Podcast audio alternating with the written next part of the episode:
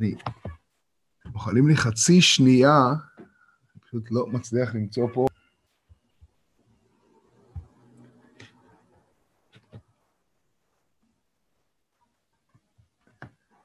שלום וברכה, ערב טוב. יהיה השיעור היום, אה, קודם כל לרפואה שלמה של דודי אהובי, רב ברוך מרדכי, בן מיכלה מינה, לרפואה שלמה במהרה.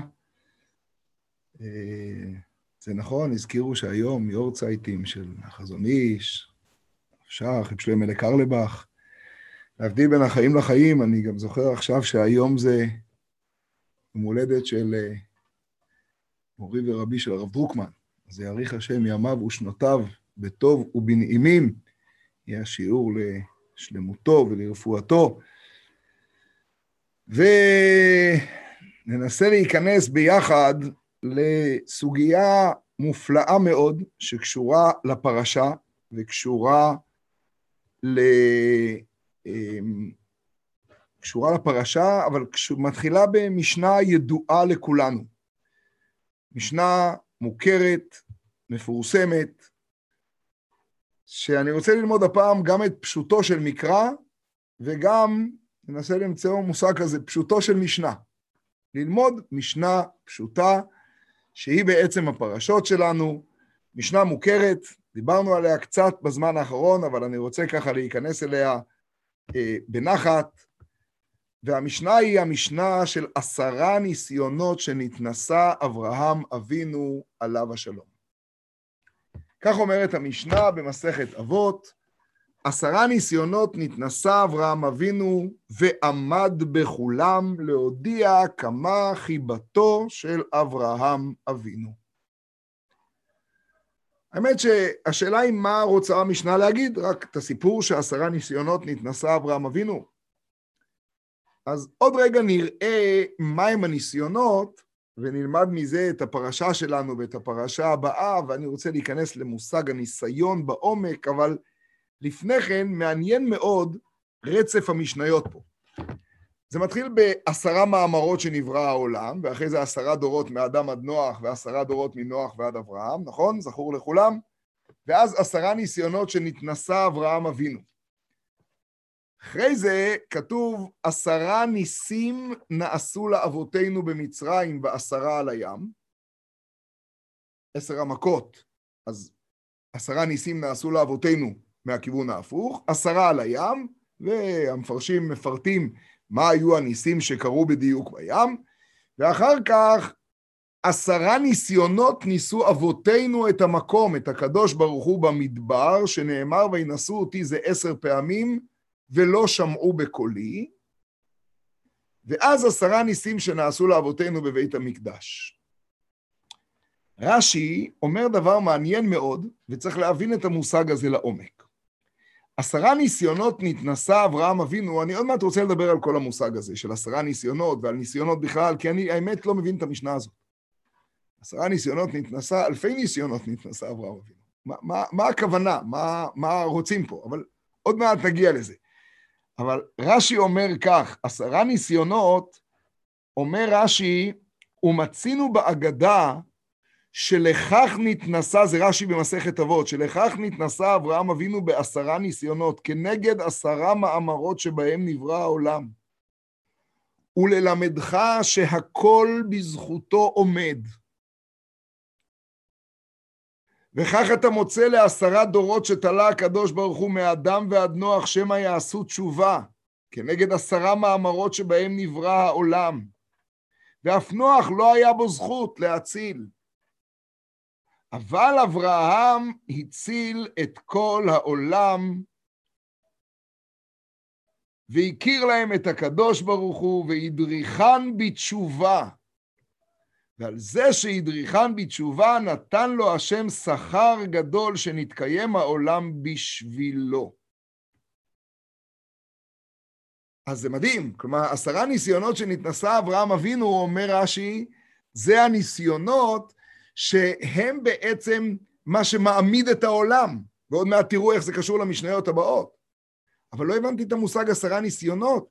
מה שמעמיד את העולם זה שהוא החזיר את העולם בתשובה, למה זה קשור רק לעשרת הניסיונות שלו? כל אחד מאיתנו עובר המון המון ניסיונות. מה זה ניסיונות? עוד מעט נדבר. אחר כך רש"י ממשיך, פלאי פלאות, עשרה ניסים נעשו לאבותינו במצרים, עשר המכות ועל הים. תשמעו, עשרה ניסים כנגד עשרה ניסיונות שנתנסה אברהם אבינו. תשמעו את מה שרש"י רוצה להגיד. ועמד בכולם כנגדן עשה להם לישראל הקדוש ברוך הוא עשרה ניסים במצרים ועשרה על הים. ובזכות עשרת הניסיונות של אברהם נתן הקדוש ברוך הוא למצרים עשר המכות. וכנגדם, תחזיקו טוב, כנגד עשרת הניסיונות נתן להם לבניו עשרת הדיברות. ובשעה שעשו את העגל ונשתברו הלוחות, שהיו כתובים בהם עשרת הדיברות, עמדו להם עשרת הניסיונות שלא קילן המקום. שמעתם דבר כזה?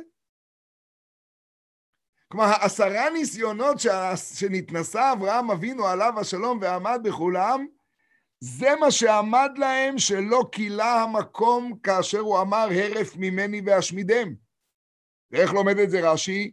וכן הוא אומר, זכור לאברהם כנגד עשרת הדיברות שאיבדו, לך אחר עשרה הניסיונות שנתנסה אברהם אבינו. אז זה רק פתיחה, עוד לפני שאני מתחיל בכלל. כלומר, למושג הזה, עשרה ניסיונות שנתנסה אברהם אבינו עליו השלום, יש משמעות מאוד מהותית. זה מקיים את העולם, זה מה שנתן לנו בכלל את יכולת העמידה אחרי שנפלנו בחטא העגל, זה מה שאיתו אנחנו מנצחים את המצרים, על זה חוטפים המצרים עשר מכות, מה זה קשור הכל? מה? בואו ננסה להבין את עשרת הניסיונות. ושאלת הבסיס שלי היא שאלה מאוד מאוד פשוטה. כל יום ויום, כל בוקר ובוקר בצדק אנחנו אומרים, ואל תביאנו לידי ניסיון. כולנו עוברים ניסיונות. אתה רוצה להגיד שאברהם אבינו החזיר את כל העולם בתשובה, עשה את הנפשות בחרן? בסדר גמור. אבל למה זה עשרת הניסיונות? בואו נראה עוד רגע מהם עשרת הניסיונות. והפלא הוא שמה שהיינו מצפים לראות בעשרת הניסיונות, לא בטוח שאנחנו נראה, ואולי את מה שכן נקרא בעשרת הניסיונות, לא בטוח שאנחנו נגדיר שהוא עמד בכולם. אני מתחיל. אני רוצה ללמוד היום יסוד בפרשה שאני חושב שהוא מהפכת עולם, הוא, הוא מעמיד לנו את כל המציאות אחרת לגמרי. זה יסוד עצום, בשבוע שעבר עסקנו באברהם המתפלל, השבוע אני רוצה לעסוק באברהם של הניסיונות, שנגדיר את זה אחר כך. אבל אני מבקש הפעם ללכת בדרכו של הרמב"ם במניין הניסיונות, בסדר? בשונה מעשרה דורות מאדם עד נוח ומנוח עד אברהם, שכולנו יודעים את השמות כי הם מבוארים בפרשות, מהם עשרת הניסיונות? יש לנו דיון. כתוב ש... בעקדה נאמר, והאלוקים ניסה את אברהם. אז אין דיון שזה אחד הניסיונות, אבל על אף דבר אחר לא נאמר ניסיון, וזה מביא למחלוקות מאוד גדולות. יש שמתחילים את הניסיונות בכבשן האש, רש"י מתחיל את זה אפילו לפני כבשן האש, בניסים שהיו באור כסדים, ואז בקפיצה לכבשן. יש שמסיימים את הניסיונות, רבנו יונה, בקבורת שרה, בפרשת חיי שרה. אבל אני מבקש להיות נאמן לרמב"ם, זה יהיה הבסיס של השיעור שלנו היום, בסדר? נאמן לרמב"ם, ואני אקרא לכם את הניסיונות לפי הרמב"ם. ננסה לזכור אותם, אני אזכיר אותם במשך השיעור בעזרת השם, ונלמד את המושג הזה של ניסיונות, שאני חושב שאין דבר יותר יומיומי ויותר ממשי שכל אחד מאיתנו חווה מהניסיונות. ניסיונות. ניסיונות זה לא דבר פשוט. מה זה לעמוד בניסיון? אגב, דבר מאוד מעניין, יש פה דוברי שפות שונות. אני לא בטוח שבשפות מערביות רגילות עומדים בניסיון. אנחנו עוברים ניסיון, אנחנו מצליחים בניסיון. לעמוד בניסיון. כולנו אגב יודעים שלמילה ניסיון ישנן שתי משמעויות. האחת של טסט, מבחן, נכון? והאחת של גובה, לעלות על נס, להתרומם. ובעבור נסות אתכם בא האלוקים, ובעבור תהיה יראתו על פניכם. כולנו חשים שניסיונות מרימים אותנו, מעלים אותנו למקום אחר. אבל בואו ננסה היום ללמוד באמת באמת, אחרי הרש"י שפתחנו בו את הכל. אני מזכיר את הנושא ואנחנו נחזור אליו רק בהמשך. הניסיונות האלה שאברהם אבינו עמד בהם, הם קיום העולם, וכנראה זה לא רק סיפור על אברהם אבינו, אלא זה איזשהו DNA שהוא החדיר בכולנו שאנחנו צריכים לקלוט אותו. ואולי לכן הרמב"ם מונה מניין מעניין, שאולי יהיה לנו הפתעה קצת. העשרה ניסיונות שנתנסה אברהם אבינו, אני קורא ברמב"ם בפירוש המשניות, הם כולם מפורשים בתורה. הראשון, הגלות.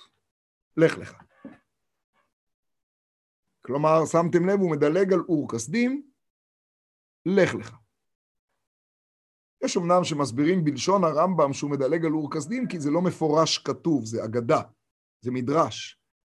אבל כנראה שהסיבה היא עוד יותר מזה, נדבר על זה אחר כך.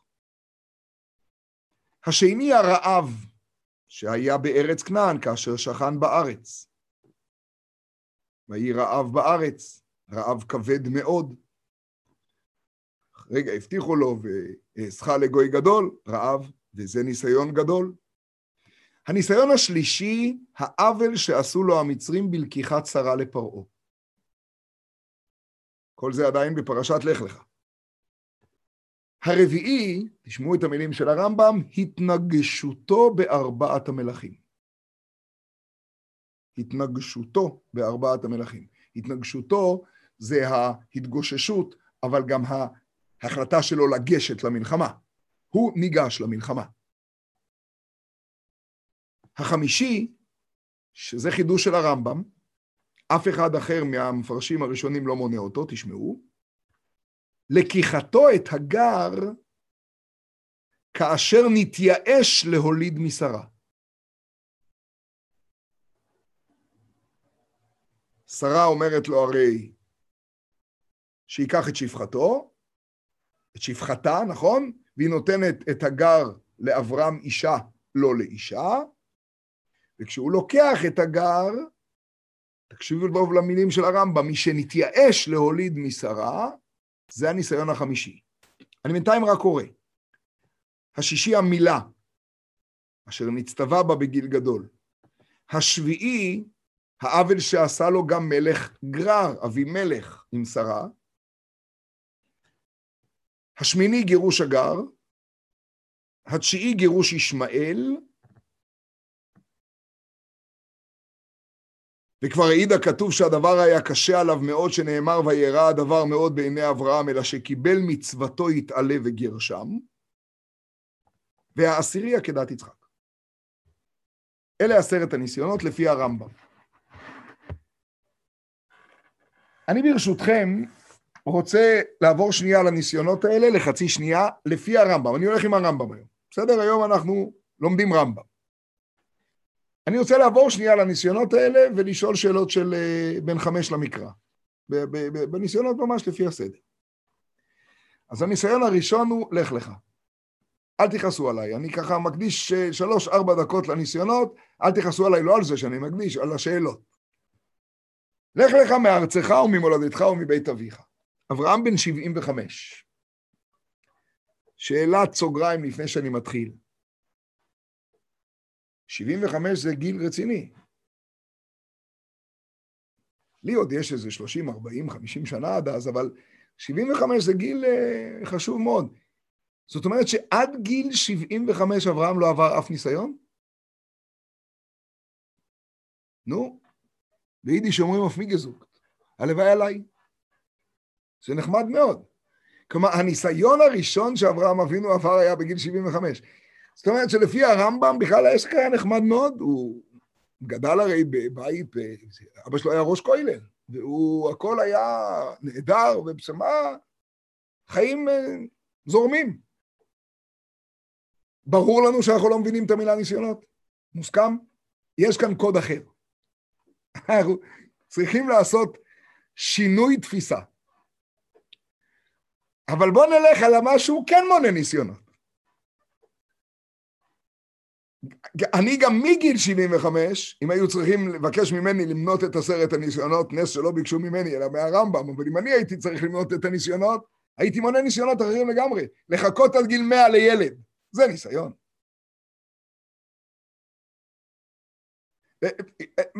ברית בין הבתרים, לא מוזכר ברמב"ם. ברית בין הבתרים. לדעת שכל זרעך ירד לארץ לא להם ועבדום ועינו אותם גלות, גיהנום. אין, לא ניסיון, זה, זה ארוחת בוקר.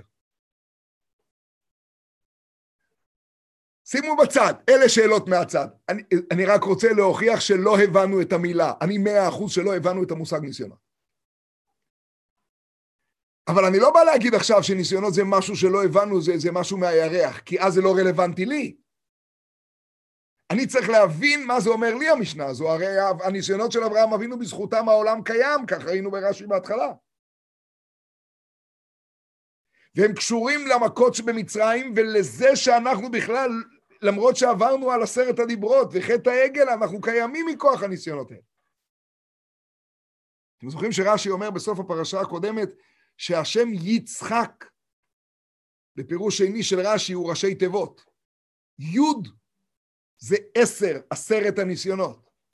צדי זה גיל תשעים שהייתה שרה, ק' זה גיל מאה שהיה אברהם, ח' זה שמונת ימי המילה. את, את השלוש אותיות האחרונות אני מבין, זה קשור ליצחק, אבא, אמא ושמונת ימי המילה. אבל עשרת הניסיונות? זה במהות. לאט לאט. אני עכשיו מתחיל מהניסיונות. יש שאלות רק על הניסיונות לרגע קצרות מאוד. לך לך. מסכים איתכם, זה בהחלט ניסיון.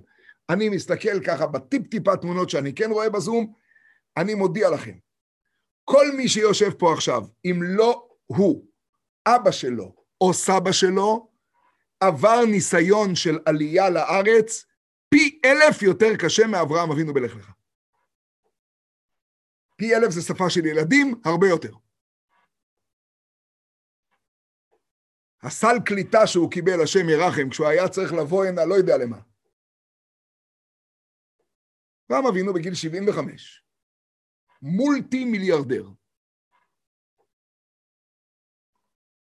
רוצה דבר אחד, המשך, זרע. בא הקודש ברוך הוא ואומר לו, בסל קליטה אני מתחייב לך לזרע. הוא המאמין הגדול ביותר בעולם. שברוך אומר לו, הולך לך אל הארץ אשר הרקע. איך הם אומרים? שיקום מי שלא היה הולך.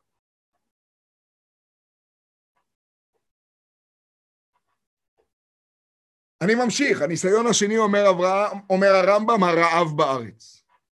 מסכים איתכם, זה ניסיון. אבל הרמב"ן טוען שאברהם אבינו חטא כשהוא ירד. הרמב"ן טוען, איפה הביטחון בהשם? רעב בארץ. אז למה אתה אומר שהוא עמד בכולם? כלומר, הרמב"ן לא ימנה את רעב בארץ כניסיון? שאלה חזקה מאוד. אחר כך, לקיחת שרה לבית פרעה. היא לא נלקחה לבית פרעה סתם ככה, כי פתאום בירח החליטו כך. אברהם עשה את כל העניין, הוא אמר, אחותי, אחי. לפי הרמב"ן, גם זה הייתה שיטתו של הרמב"ן, בנון. יש לרמב"ן שאלות גדולות שם. איך אתה מסכן אותה? מה זה למען ייטב לי בעבורך וחייתה נפשי בגללך, ייתנו לי מתנות? זוכרים את השאלות על זה? אני ממשיך. הניסיון הרביעי, ההתנגשות בארבעת המלכים. שאלת תם. אגב, כל אחת משאלות התם שלי זה שאלות בחז"ל. מי אמר שזה נכון היה לצאת למלחמה ולסכן את אה, חיי כל החניכים? בשביל להציל את לוט? איפה זה כתוב? אולי זה סכנת נפשות? הרי לא סיכנו עכשיו את אברהם. אין כאן הצלת נפשות מיידית. להקצין? רב בגמרא אומר שזה היה החטא שהוא עשה אנגריה בתלמידי חכמים. שהוא הוציא אותם ביטול תורה, למלחמה, לסכנת נפשות. לפחות השאלות קיימות. ואני כל הזמן ברקע אומר, תשמעו, אם אתם רוצים שאני אגדיר לכם ניסיונות של אברהם אבינו, כל אחד מאיתנו היה נותן אחרים. כל אחד היה מביא ניסיונות מהחיים שלו. עכשיו הניסיון החמישי של הרמב"ם, שהוא ככה יוניק של הרמב"ם, כי זה רק הרמב"ם מכניס אותו כניסיון, זה בכלל מדהים. תשמעו את הביטוי. לקיחת הגר משנתייאש להוליד משרה. זוכרים את הציטוט? קודם כל שאלה, זה ניסיון של אברהם או של הגר? או של שרה? של מי הניסיון יותר קשה? שרה אשת נעוריו של אברהם אבינו, שאיתו מגיירת את העולם ומכניסה תחת כנפי השכינה את כולם, נותנת את שפחתה לאישה. והיא נותנת לו אותה כאישה, לא כפילגש, לא כשפחה.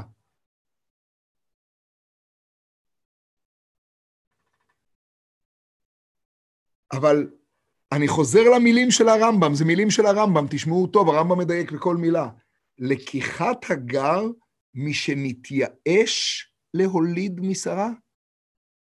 אני חוזר ומנדנד. אותי לימדו לשיר אין שום ייאוש, נכון? להתייאש זה לא טוב, לא? איך יכול להיות שאברהם עמד בניסיון אם הוא התייאש? איפה האמונה?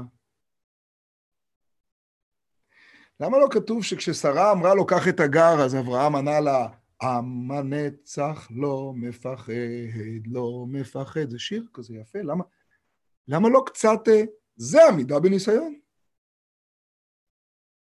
להתייאש? וזה עמד בכולם. מילא אתה לוקח את הגר, נו, בסדר, שרה אמרה, אבל למה להתייאש מלהוליד משרה? אני הייתי מצפה שהוא יגיד, אני לוקח את הגר, ובעזרת השם הקדוש ברוך הוא יראה בעוני ובזה, ויביא אותנו גם בעזרת השם וביצחק והכל. והאמת, שכשקוראים את הפסוקים אחרי זה, זה באמת נראה כאילו חלילה חלילה הוא התייאש מלהוליד משרה. כשהקדוש ברוך הוא אומר לו, אבל שרה אשתך יולדת לך בן, אתם זוכרים? הוא לא מאמין. לו ישמעאל, אני לא בטוח שמושגים שלנו, כמו שאמרתי לכם, אם חס ושלום אני הייתי צריך למנות את הניסיונות, לא בטוח שהייתי מונה את זה בתור עמד בכולם. הלאה, אתם איתי? לך לך, שאלנו על לך לך, נכון? רעב ולקיחת שרה לבית פרעה, שאלנו על ההתנהגות של אברהם, נכון? ההתנגשות בארבעת המלכים, יש לזה ודאי צדדים, כן לצאת, לא לצאת. להתייאש מלהוליד משרה. אתם שמים לב מה אנחנו עושים צדיקים. כלומר, זה לא רק שאני רוצה להבין מה זה ניסיונות, אלא באותם המקומות, באותם המקומות שבהם, דוד, אה, יש אצלך בזום משהו שמפריע לי, אלא שבאותם המקומות ש, שאנחנו, באותם המקומות שאנחנו כן רואים את הניסיונות, אז אנחנו בכלל נמצאים במציאות שבהם הניסיונות לא מובנים לנו. נמשיך עוד קצת. ברית המילה. כולם מונים את זה כניסיון. אני מבין שזה ניסיון. אברהם בן 99. חבר'ה, אנחנו בדור שבו כל כך הרבה בני אדם, יהודים, ומתגיירים. בסדר, נו. אברהם אבינו, אני רוצה רק להזכיר לכם, בגיל 99, נכון, הוא נימול, אבל כדאי לזכור, בגיל 100 הוא הוליד את הבן שלו, בגיל 140 הוא הוליד עוד שישה ילדים בני קטורה.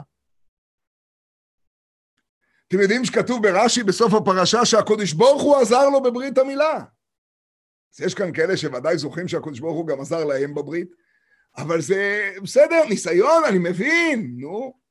אבל אני חוזר לשאלה האמיתית, זה ניסיון, או שיגידו לך שבניך יצאו לגלות ל-400 שנה ועבדום, זה ניסיון. את מה מונים ואת מה לא מונים.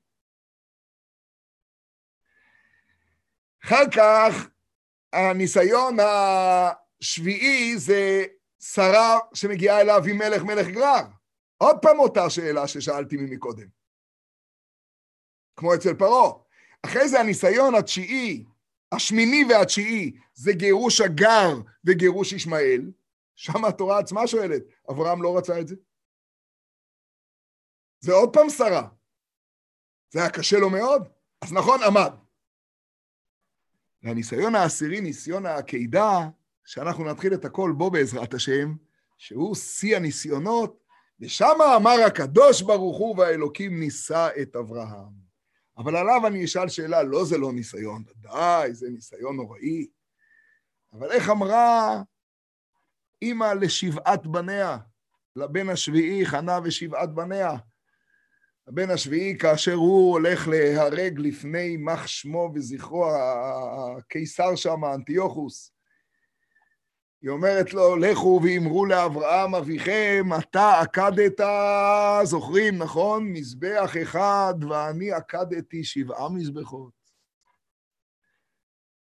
לך בא הקדוש ברוך הוא ואמר, אל תשלח ידך, ולי לא ממש באו ואמרו, אל תשלח. וזאת שאלת השאלות שכולם שואלים, כן, נכון, אבל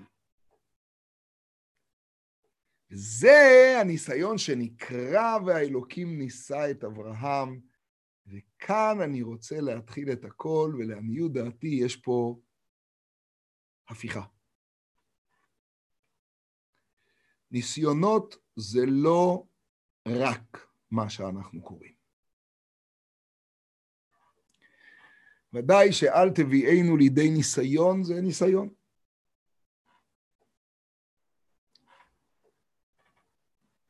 גם יהיה מאוד לא נכון להגיד שאנחנו, אה, הכל בסדר, לא עוברים ניסיונות קשים, רק כל אחד מאיתנו עובר ניסיונות. וכדאי להתבונן ולהבין, וניסיונות זה דבר קשה, ואדם שעומד בניסיון זה עבודה קשה. לנצח תאווה זה ניסיון, לנצח גאווה זה ניסיון. לשתוק כשבא לך לדבר זה ניסיון. במיוחד כשאתה צודק, ותמיד אתה צודק. ניסיונות זה דבר לא פשוט. אבל יש כאן עשרה ניסיונות שעל שמם נקרא יצחק, ובזכותם עומד העולם שנברא בעשרה מאמרות. ובגללם יצאנו ממצרים, ומצרים הוכתה. מוריי ורבותיי, לעניות דעתי. אמרתי בתחילת השיעור שהיום אני רוצה ללמוד פשוטו של מקרא ולחדש מושג שייקרא פשוטו של משנה. המשנה אחרי עשרה ניסיונות שנתנסה אברהם אבינו, כזכור, אומרת, עשרה ניסיונות ניסו אבותינו את הקדוש ברוך הוא, או את המקום במדבר. נכון? מאיפה היא יודעת את זה?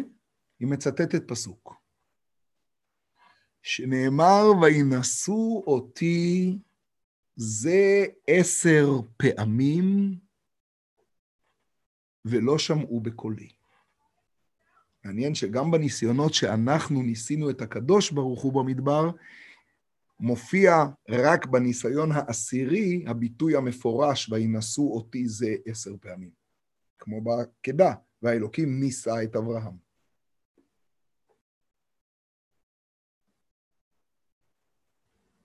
מה פירוש לנסות את הקדוש ברוך הוא?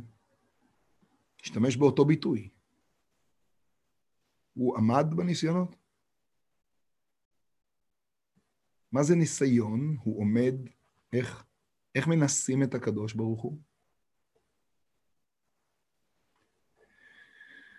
רב מוישה אלשך, האלשך הקדוש,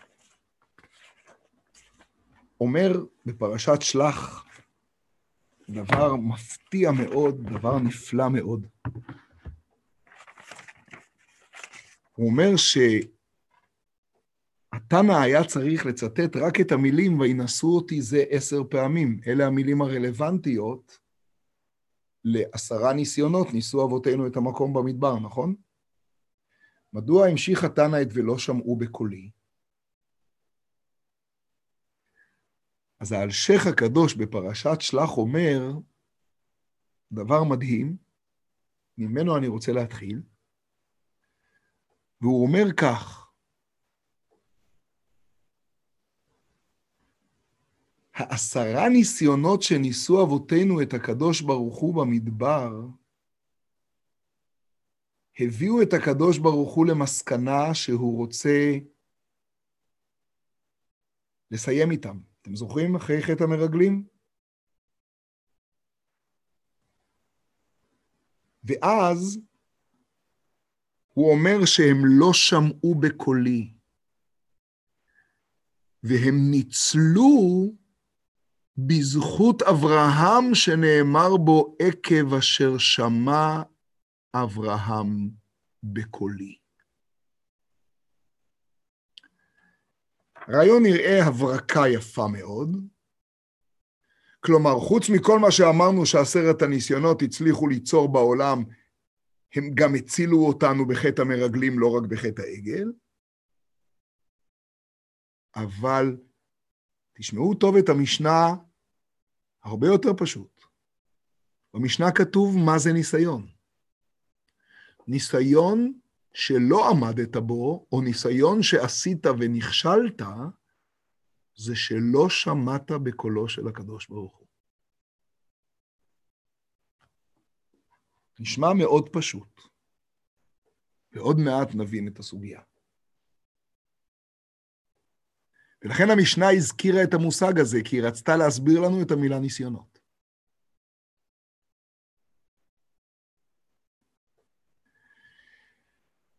שאלתי למה הרמב"ם לא פתח בניסיון של אור כסדים ושל כבשן האש. בצדק, כל אחד מאיתנו היה מזדהה עם אותם המפרשים שמביאים את כבשן האש בתור הניסיון הראשון, אולי אחד הגדולים שבכולם. אברהם אבינו מוסר את נפשו.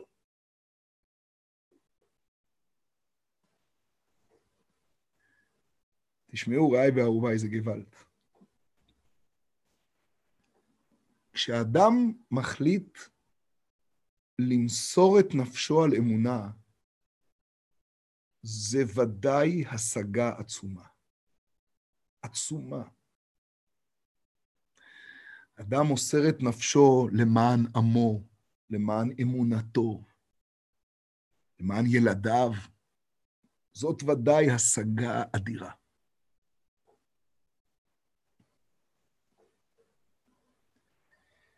אבל למה האדם עושה את זה? כי הוא הגיע לתובנה הזאת.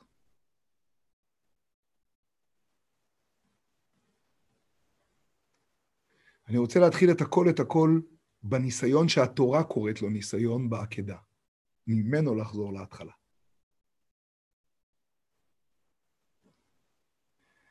מה היה המיוחד שקיים רק בניסיון העקדה ולא היה בעקדות, גם לא של חנה ושבעת בניה.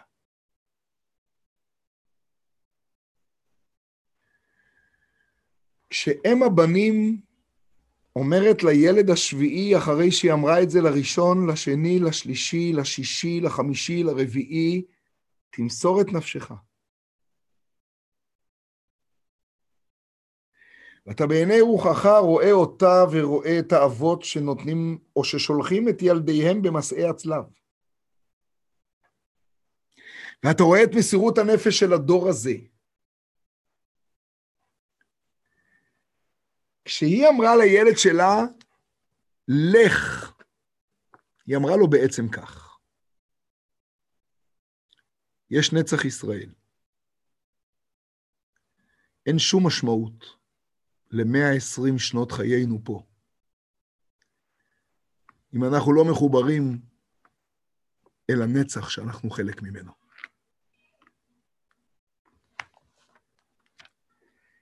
היא לא רק אמרה לו, תגידו לאברהם אביכם שאתה עקדת, היא אמרה לו, לך לאבא, לכו לאברהם אביכם. ושם אצל אבא אתה תראה עוד בעזרת השם אותנו יושבים ועוסקים בעשרת הניסיונות בחודש חשוון תשפ"א.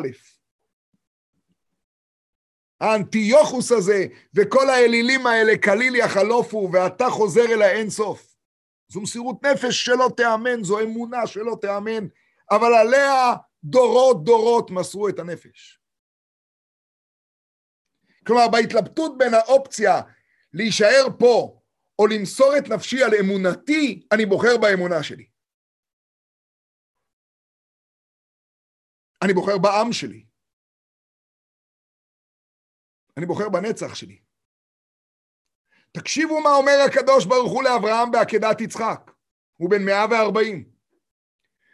נאמר לו על יצחק ורק על יצחק, כי ביצחק יקרא לך זרע. והוא אומר לו את המילים הבאות: לך ותמסור את האמונה שלך, ותמסור את הנצח, ותמסור את האין סוף, בשביל לקיים מצווה.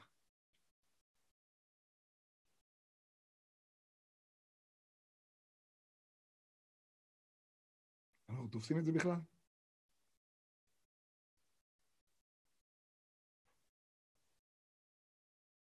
ואחרי שאעלה את יצחק לעולה. מה יהיה אם ביצחק יקרא לחזרה?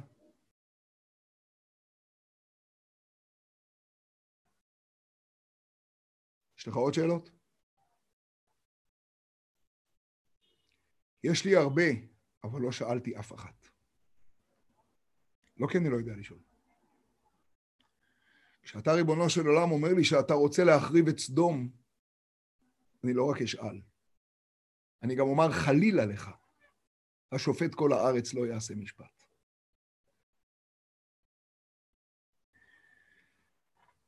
אבל כשאתה מצווה עליי, ציווי,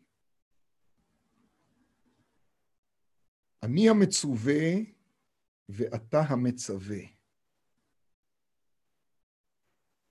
זה מה שקובע שאתה בחרת בנו ואנחנו עושים את רצונך. זה לא כי אני הגעתי למסירות נפש. זה לא כי אני השגתי. זה לא כי אני.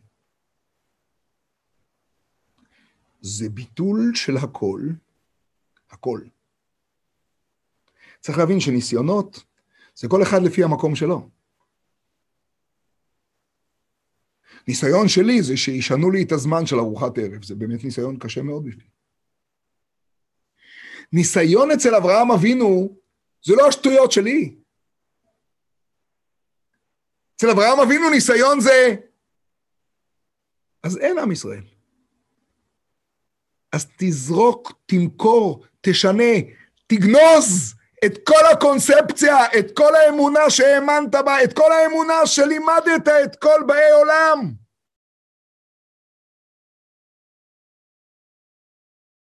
אתה שומע בקולי. פתאום חשבתי על המושג לשמוע בקולי. אתם יודעים מה זה לשמוע בקולי? זה לא תהיה ילד טוב, תשמע בקולי. לשמוע בקולי יש כלל גדול ידוע בהלכה, תרי קלי לא משתמעי. אוי, כמה קולות יש בלב. כמה קולות יש במוח. כמה דעות, כמה שיטות. לשמוע בקולי זה לא לשמוע שום דבר אחר. שום דבר אחר. כלום. גם לא 140 שנות אמונה שחינכתי את העולם. בשמך, ריבונו של עולם. אתה שומע בקולי. כשרבקה קוראת ליעקב ואומרת לו לקחת שני גדיי עיזים וללכת אל אבא לקבל את הברכה, אתם זוכרים מה היא אומרת? היא קוראת לו והיא אומרת לו לשמוע לאשר אני מצווה אותך, אך שמע בקולי ולך קח לי. יעקב אומר, אבל אולי ימושני. ואבא, וזו בכלל לא הקונספציה שהתרגלנו אליה. ואני למדתי שיעקב איש תם, ועשיו יהיה היששכר והזבולון, ויש לי המון דרשות על זה. כתבתי על זה ספרים, ויש לי על זה שיעורים, ואני בניתי על זה עולם.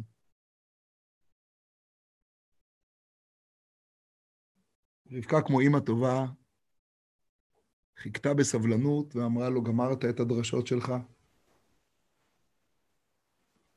שמע בקולי. כך ציווה אותי הקדוש ברוך הוא.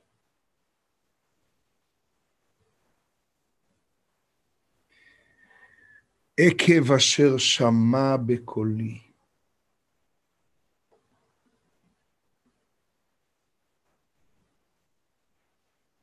עוד מעט נחזור לאיך עשרה המאמרות משנים את העולם ואיך הם מכים את מצרים. אני רק אגיד לכם במילה אחת, אתם יודעים מה הייתה הבעיה של פרעה? מי השם אשר, אשר אשמע בקולו.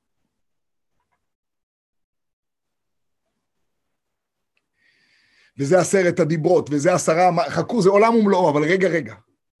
אני חוזר להתחלה. אולי ניקח מכל הניסיונות לשנייה אחת את הניסיון החמישי, זה שקראנו לו היוניק של אברהם, של הרמב"ם, סליחה, זה שרק הרמב"ם מזכיר אותו. לקיחת הגר משנתייאש להוליד משרה. זוכרים את המשפט הזה של הרמב"ם? הוא קרא לו הניסיון החמישי. שאלתי איך ייאוש זה? תשמעו טוב.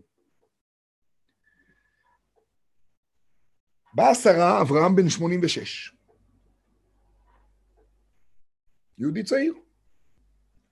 באה שרה ואומרת לאברהם, תשמע אברהם אבינו, הקדוש ברוך הוא אמר לך,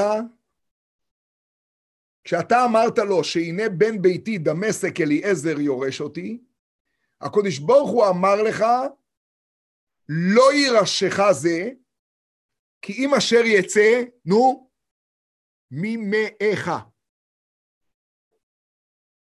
עכשיו תשמעו מה אומרת שרה לאברהם. אברהם אבינו. מה אמר הקדוש ברוך הוא אשר יצא ממאיך?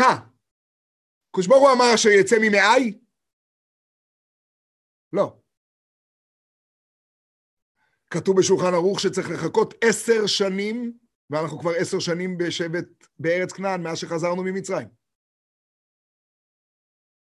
מרגע זה ואילך, אתה צריך לשמוע בקול השם. ולשמוע בקול השם זה לעזור אותי.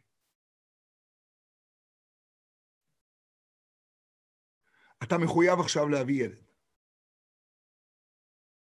אז איך אני אעשה את זה? אני אתן לך את הגר.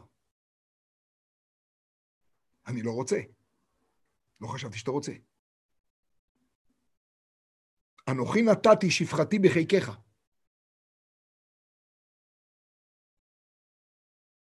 עכשיו תחזיקו, זה גוואלד. אברהם אבינו ודאי לי שהתחיל דרשה שלמה, הוא בכה בכיות תמרורים, הוא אמר לה, תגידי, מה, מה עם כל מה שלמדנו? בארי הקדוש וברב זצ"ל ובחסידות ובתניא, מה עם כל מה שלמדנו שהילדים שלנו צריכים לבוא מאברהם ושרה? הם יבואו מהמצרית הזאת, מהגר? על מה את מדברת בכלל? מה עובר עלינו? ואני בטוח שכמו סבתא טובה, שרה אימנו שמעה את הכל, הכינה לאברהם אבינו תה עם נענה, וכשהוא סיים היא שאלה אותו, גמר כבודו? הדרשה מצוינת. קח את הקונספציה שאתה מאמין בה, קח את הדרשות שדרשנו, קח את כל מה שהאמנו בו מאז גיל אפס, כשהתחלנו להחזיר את כל העולם תחת כנפי השכינה. ואת זרעך תביא לא ממני.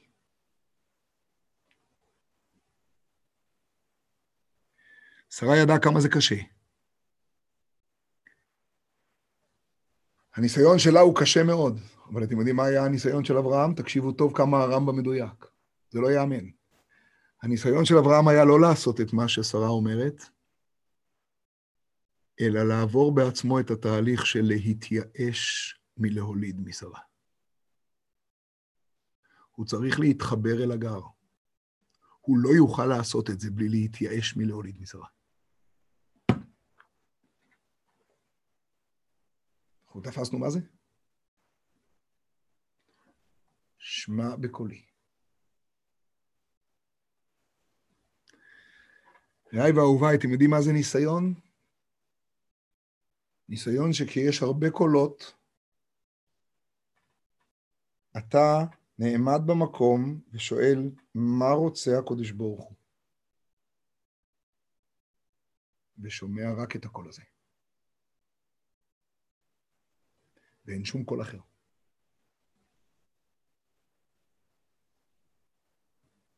זה ניסיון.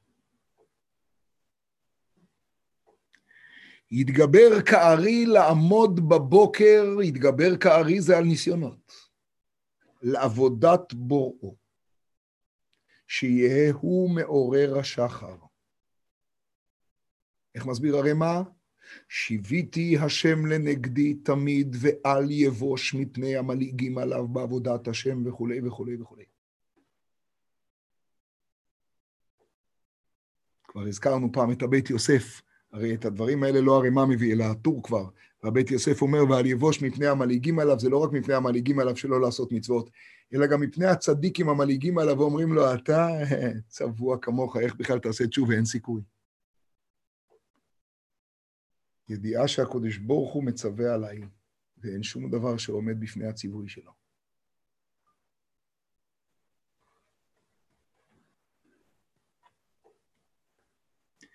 דיברנו על זה השבוע, דניס, הזכרנו את זה בשיעור בינינו. שאלתי מה הניסיון בלך לך. אמרתי שאנחנו, ואם לא אנחנו אבותינו, ואם לא אבותינו אבות אבותינו, עברו ניסיונות הרבה יותר קשים כשהם באו הנה הביתה. תשמעו, זו מהפכה. הרי אברהם אבינו לא מתחיל ללכת לארץ כנען בלך לך. הרי בסוף פרשת נוח כתוב שאחרי אור כסדים, תרח לוקח את אברהם בנו ואת שרי כלתו ואת לוט בן ארן בן בנו, ויצאו איתם ללכת ארצה כנען. הם הולכים לארץ כנען. עכשיו, ברור שההליכה לארץ כנען, לכל מי שטיפה מבין בפרשות, זה המסלול של אברהם אבינו, ללכת ולכבוש את ארץ כנען. זה ההליכה הזאת לפני שהקדוש ברוך הוא ציווה. עכשיו הם נתקעים בחרן. מי שנתקע בחרן זה תרח, וימות תרח בחרן. כך הסתיימה פרשת נוח. עכשיו בפני אברהם אבינו עומדות שתי אופציות. האחת, לא להיתקע בחרן, אלא להמשיך לארץ כנען. ואני רוצה להגיד לכם את המהפכה. חותם לכם, זה מה שהוא רצה לעשות. זה השאיפה שלו, זה האקסטזה האמונית הרוחנית שלו. אבל הקדוש ברוך הוא נתן לך עכשיו אבא בחרן, ויש עכשיו התנגשות בין כיבוד אב לבין הליכה לארץ כנען. אתם יודעים מה היה הניסיון של אברהם? לחכות לציווי. אוי, איזה ניסיון.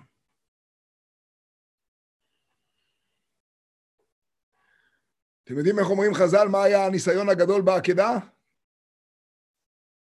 אל תשלח ידך אל הנער ואל תעש לו מאומה. איך אומר אברהם אבינו, אבל אולי פצע קטן חבורה משהו? לאן לקחת את כל האמונה הזאת? לאן לקחת את כל האקסטזה הזאת? לאן? לאן להוביל את זה? לאן לנתב את כל הרצון האלוקי, את כל עבודת האמונה שלי? לאן? וישא אברהם את עיניו. וירא והנה איל אחר נאחז בסבך בקרניו. כשאתה שומע בקולו, פתאום אתה רואה שמששת ימי בראשית, הקדוש ברוך הוא ממתין עם מצווה. שזרעך וזרע זרעך יצטרך לקיים אותה, ויתקע בשופר, ויזכור את עקדת יצחק.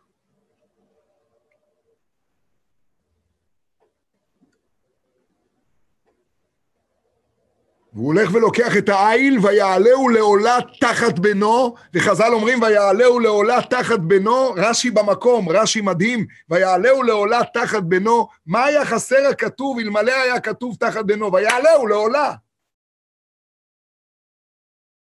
נורא, זוכרים את רש"י? ויעלהו לעולה תחת בנו. על כל פעולה ופעולה שהיה עושה, היה אומר, יהי רצון כאילו זה בבני. יהי רצון כאילו בני שחוט, יהי רצון כאילו בני מוכתר, יהי רצון כאילו בני מופשט, יהי רצון כאילו... קשה לתפוס את זה. שמע בקולי.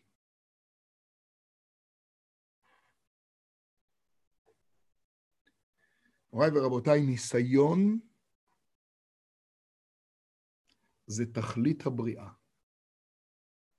הקדוש ברוך הוא ברא את העולם בעשרה מאמרות, מאמר זה דיבור.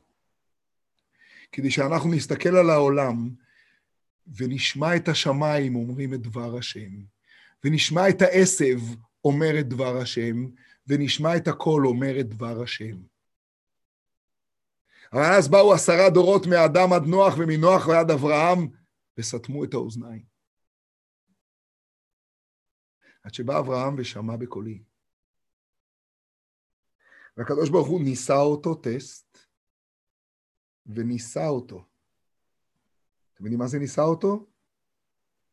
לראות אם הוא יישאר דבוק באלוקיו כל הזמן. איך? שולחן ערוך. סימן א', סעיף א', ב', ג', ד', מאוד פשוט. לא תמיד זה פשוט, כי לפעמים יש התנגשויות. ואלה הניסיונות.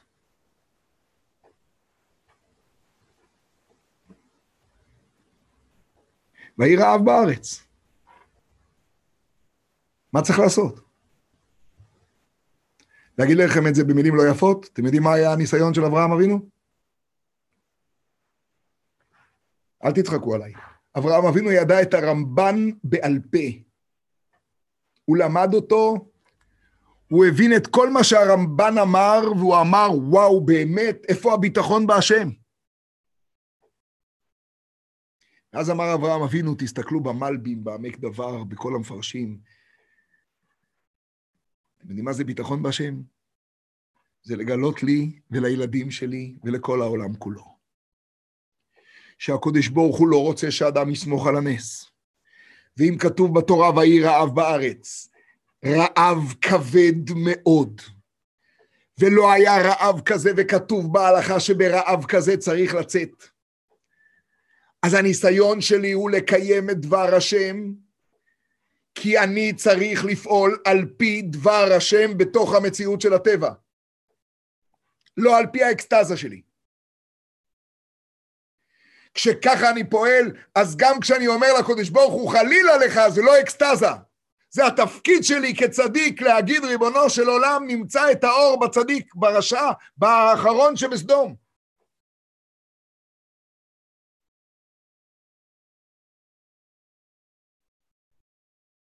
וכשאברהם אבינו צריך להחליט אם הוא לוקח את הסיכון ורוצה להישאר בעולם כדי שהוא יוכל בכלל להציל את שרה, אתם זוכרים את הביטוי שכתוב למען ייטב לי? נו, בעבורך. בעבורך בעברית פירושו אחד בלבד, בשבילך. הרי בקלות היה יכול אברהם אבינו להגיד שהם שני אנשים זרים. ואז לא היו פוגעים בה, וגם לא היו פוגעים בו. אבל הוא חייב להישאר שם כדי להציל אותה ולהציל אותנו. והוא מבין שזה רצון הקודש ברוך הוא, כי לשמוע בקולו של הקודש ברוך הוא זה לא תמיד כתוב בפירוש בסעיף א', סעיף קטן ג'. זה לשמוע בקולו. שבוע שעבר דיברנו על אברהם המתפלל. היום אני מדבר על אברהם העומד. גם התפילה שלו נקראת עמידה. הוא משכים בבוקר, שלוש פעמים בפרשה שלנו הוא משכים בבוקר. הוא משכים בבוקר כשהוא צריך ללכת ולראות את סדום כגופרית ומלח ושריפה כל ארצה. והוא משכים בבוקר אל המקום אשר עמד שם את פני השם, ומשם למדו שהוא התפלל תפילת שחרית. הוא עומד, אני בטוח שכל העיתונאים וכל הצלמים שעמדו וצילמו שם מהר חברון למעלה, את סדום ההפוכה כמו רגע, את הגופרית והמלח, פתחו בכותרות ציניות, נו נו, עזרו הרבה התפילות של אברהם אבינו, אה? הכל נשרף. אבל מי ששומע בקולו ויודע לעמוד, לעמוד, אתם מבינים מה זה לעמוד? לעמוד כשכל העולם מסתובב. לעמוד ולהישאר עומד. תפילת עמידה. אתם מבינים מה זה לעמוד בניסיונות? לעמוד, לעמוד. אתם מבינים למה התפילה היא לפני העמוד? עמוד התפילה, לעמוד. אתם יודעים איך נקרא אברהם אבינו בפיו של הרמב"ם? עמודו של עולם. הוא העמוד. הוא לא העמוד שעליו עומד העולם, הוא העמוד שכל העולם סובב סביבו. הוא ה fixed point. הוא נקודת העמוד. הוא העמוד. איך? שמע בקולי. אחרי זה כתוב, וישכם אברהם בבוקר, כשאברהם אבינו קם בבוקר ושם חמת מים ושם על הגר ועל ישמעאל. אתם זוכרים מה אברהם אבינו אמר אצל הגר וישמעאל? וירא הדבר מאוד בעיני אברהם על אודות בנו, אומר רש"י, אבל הוא יצא לתרבות רעה. מה יהיה עם החינוך? איך נמשיך לקחת את הגר? אברהם יודע שזה פספוס שהגר היא לא כמו שהיא נראית עכשיו. איך אני יודע? היא תחזור בתור קטורה בגיל 140.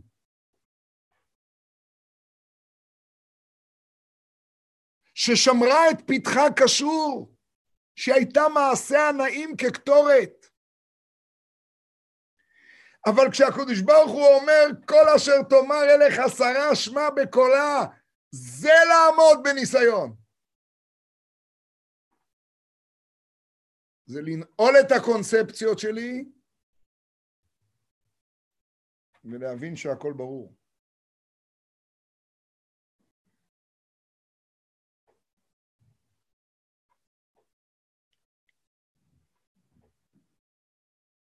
אני לא יודע מה התשובה לשאלה של הרמב"ן, למה אברהם עשה את מה שהוא עשה עם שרה ופרעה, אבל אני יודע שאברהם אבינו לא חשב כמו הרמב"ן, כי בפרשת וירא הוא חזר ועשה את אותו תרגיל עם אבימלך ושרה, ואמר אחותי היא.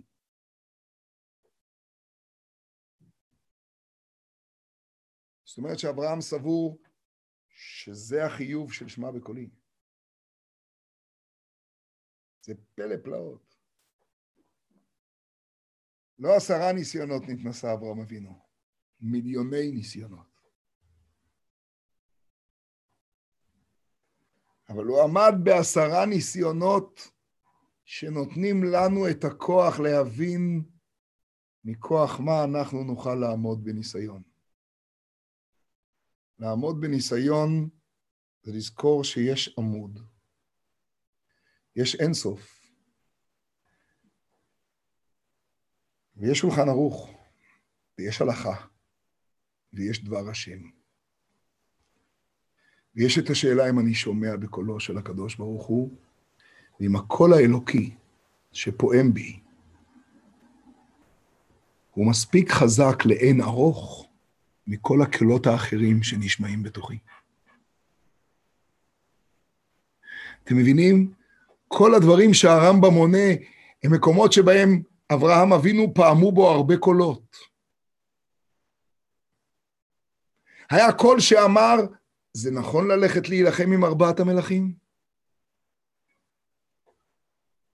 אבל אברהם אבינו שמע את כל השם כמו שהוא הבין אותו, מדויק. איך מלמד אותנו הרד"ק בפרשת לך לך? שמע איך צריך להציל את קרובו ולהציל את אמונת העולם. והבין שעל זה צריך למסור את הנפש.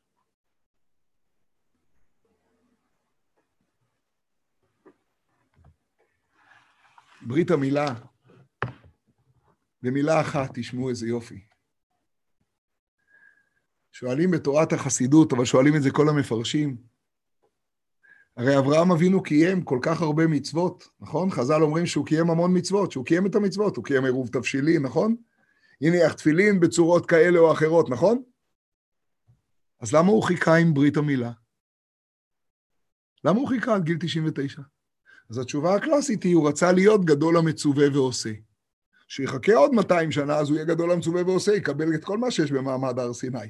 למה הוא חיכה? למה הוא לא חיכה עם עירוב תבשילים? למה הוא לא חיכה עם הנחת תפילין? שאלה מצוינת, לא? ראיתי הרבה תשובות. ראיתי תשובה של הרבי מלובביץ', איזו גאונות, כמו תמיד. תשמעו מה הוא אומר. הרי אברהם אבינו, כל עוד הוא לא צווה, וכל עוד לא ניתנה התורה, הוא קודם כל בן נוח, נכון? בני נוח אסורים לחבול בגופם.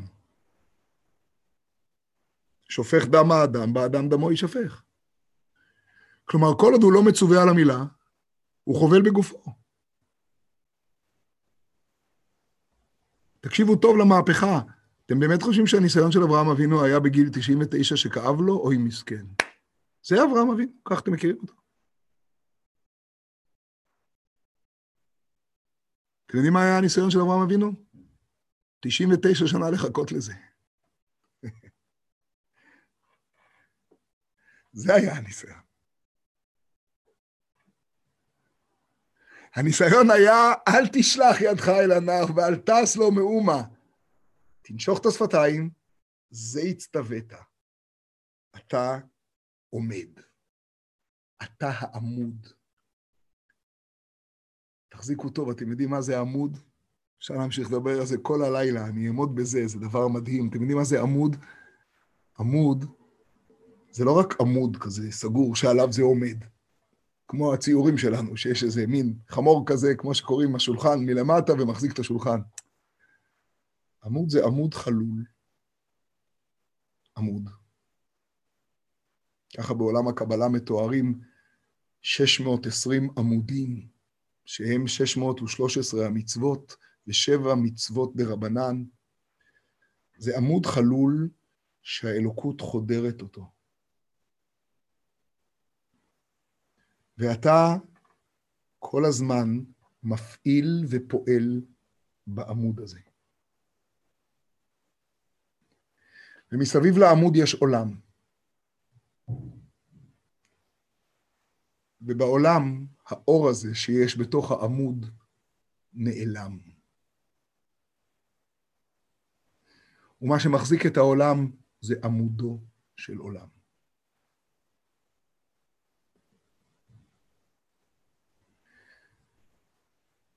ואברהם הוא העומד והוא העמוד. וכשכל העולם הולך לאיבוד,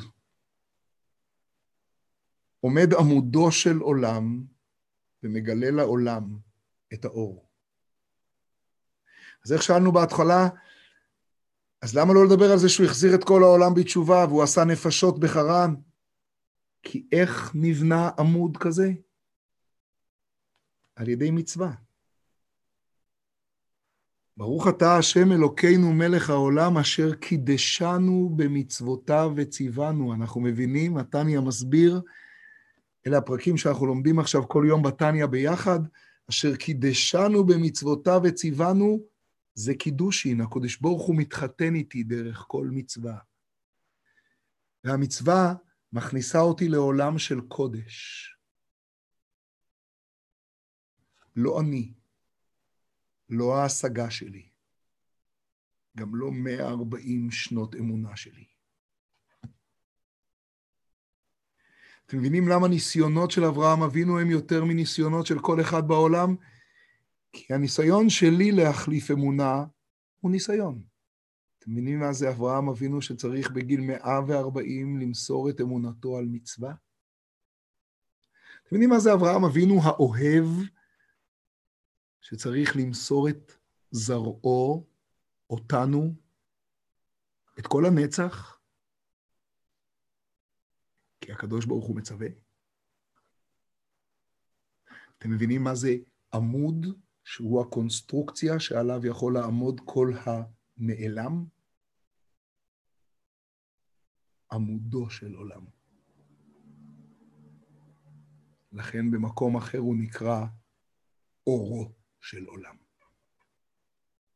ויהי אור זה אברהם. כי אברהם הוא אותו העמוד שבו עובר האור האלוקי בלי שום שינוי, מלמעלה עד למטה. ובפעולת המצווה שנעשית פה מודלק המתג, שמאיר את העמוד ומאפשר לכל העולם להתקיים. אחד היה אברהם. רק מי שחי בעמוד הזה ואין שום דבר שיכול להפריע לו. יכול להיות איש החסד שירים את כל מה שיש מחוץ לעמוד. כי הוא רואה רק את התוכן הפנימי.